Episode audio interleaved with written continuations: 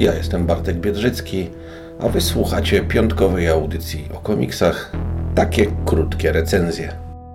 O evencie, jakim jest e, Inferno, które przetoczyło się no, jedno z największych crossoverów przez większość tytułów e, z X-em. Już mówiłem e, w jednym z pierwszych odcinków takich krótkich recenzji, więc nie będę się wydawał wyjaśnienia.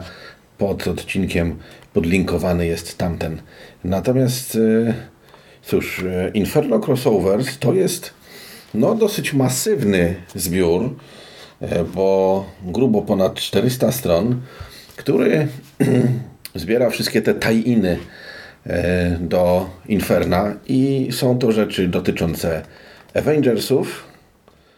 E, oprócz tego pojawia się tam też Fantastyczna Czwórka, no bo to był ten okres, kiedy Fantastyczna Czwórka akurat siedziała w siedzibie Avengersów, jak sama nazwa wskazuje.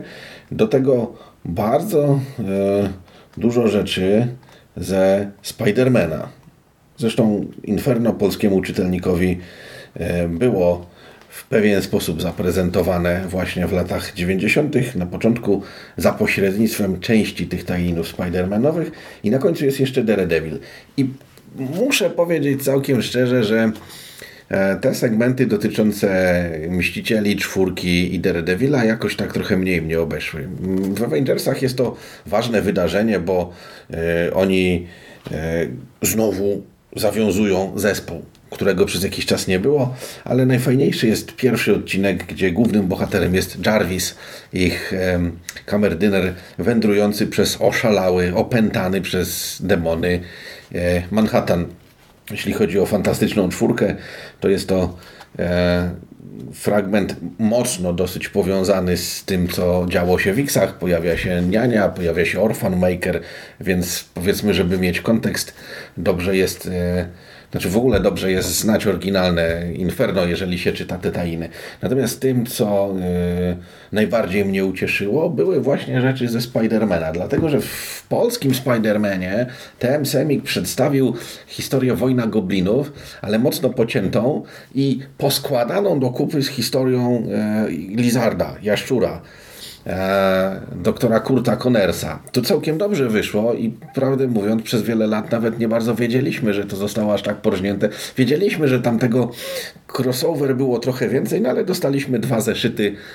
E, a tymczasem tych Spider-Manów tutaj jest bardzo dużo, bo Inferno przetoczyło się przez całą linię.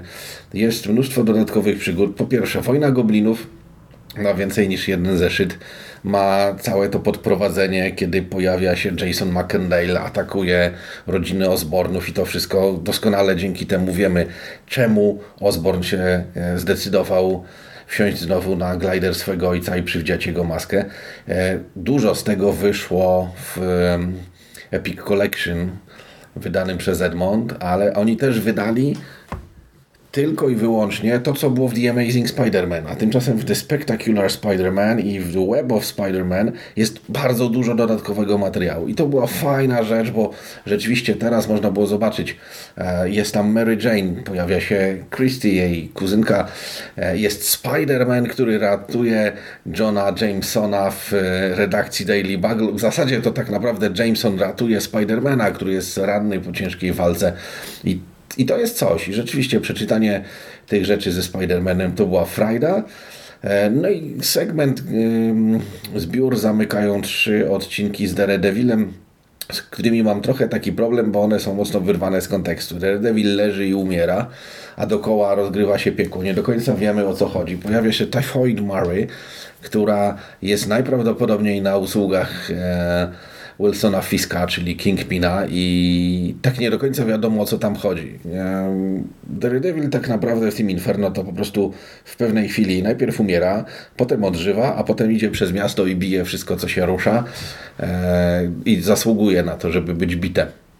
Więc jakby powiedzmy mm, nie jestem e, do końca e, zadowolony z tych segmentów, ale to jestem ja. Ja jestem wiernym fanem Pajączka i dlatego ten segment był dla mnie ważny. Jestem absolutnie przekonany, że to, co zostało zebrane w tym zbiorze dla fanów starych Avengersów również będzie ważnym momentem, bo to jest ta chwila, kiedy zespół po chwilowym rozpuszczeniu znowu się zawiązuje.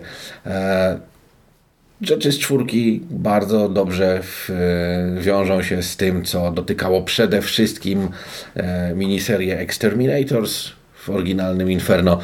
Co do Daredevila, no to cóż mogę powiedzieć, Mało znam tę postać, mało siedzę w ich mitologii, ale pojawiają się tam znane postacie, pojawia się Romanow, pojawia się Karen Page, która w życiu Daredevila odgrywa bardzo ważną rolę, więc myślę, że jeżeli ktoś śledzi 80 Daredevila i, i jego poczynania, to też będzie w stanie, nawet bez tego kontekstu, którego ja nie miałem, wyciągnąć coś z tego dla siebie. E, więc tak, jak najbardziej tak. Jeżeli przeczytaliście Inferno i podobało Wam się, to sięgnięcie po ten dodatkowy materiał będzie absolutnie dodatkową frajdą.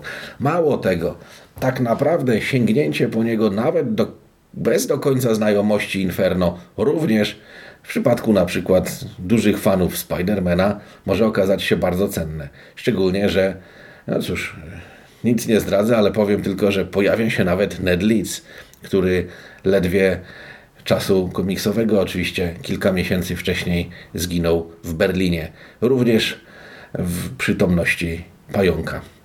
Także e, tak, jak najbardziej tak. Ma też tą zaletę, że nie jest tak bardzo przegadane jak te Clermontowskie X-owe zeszyty. Polecam.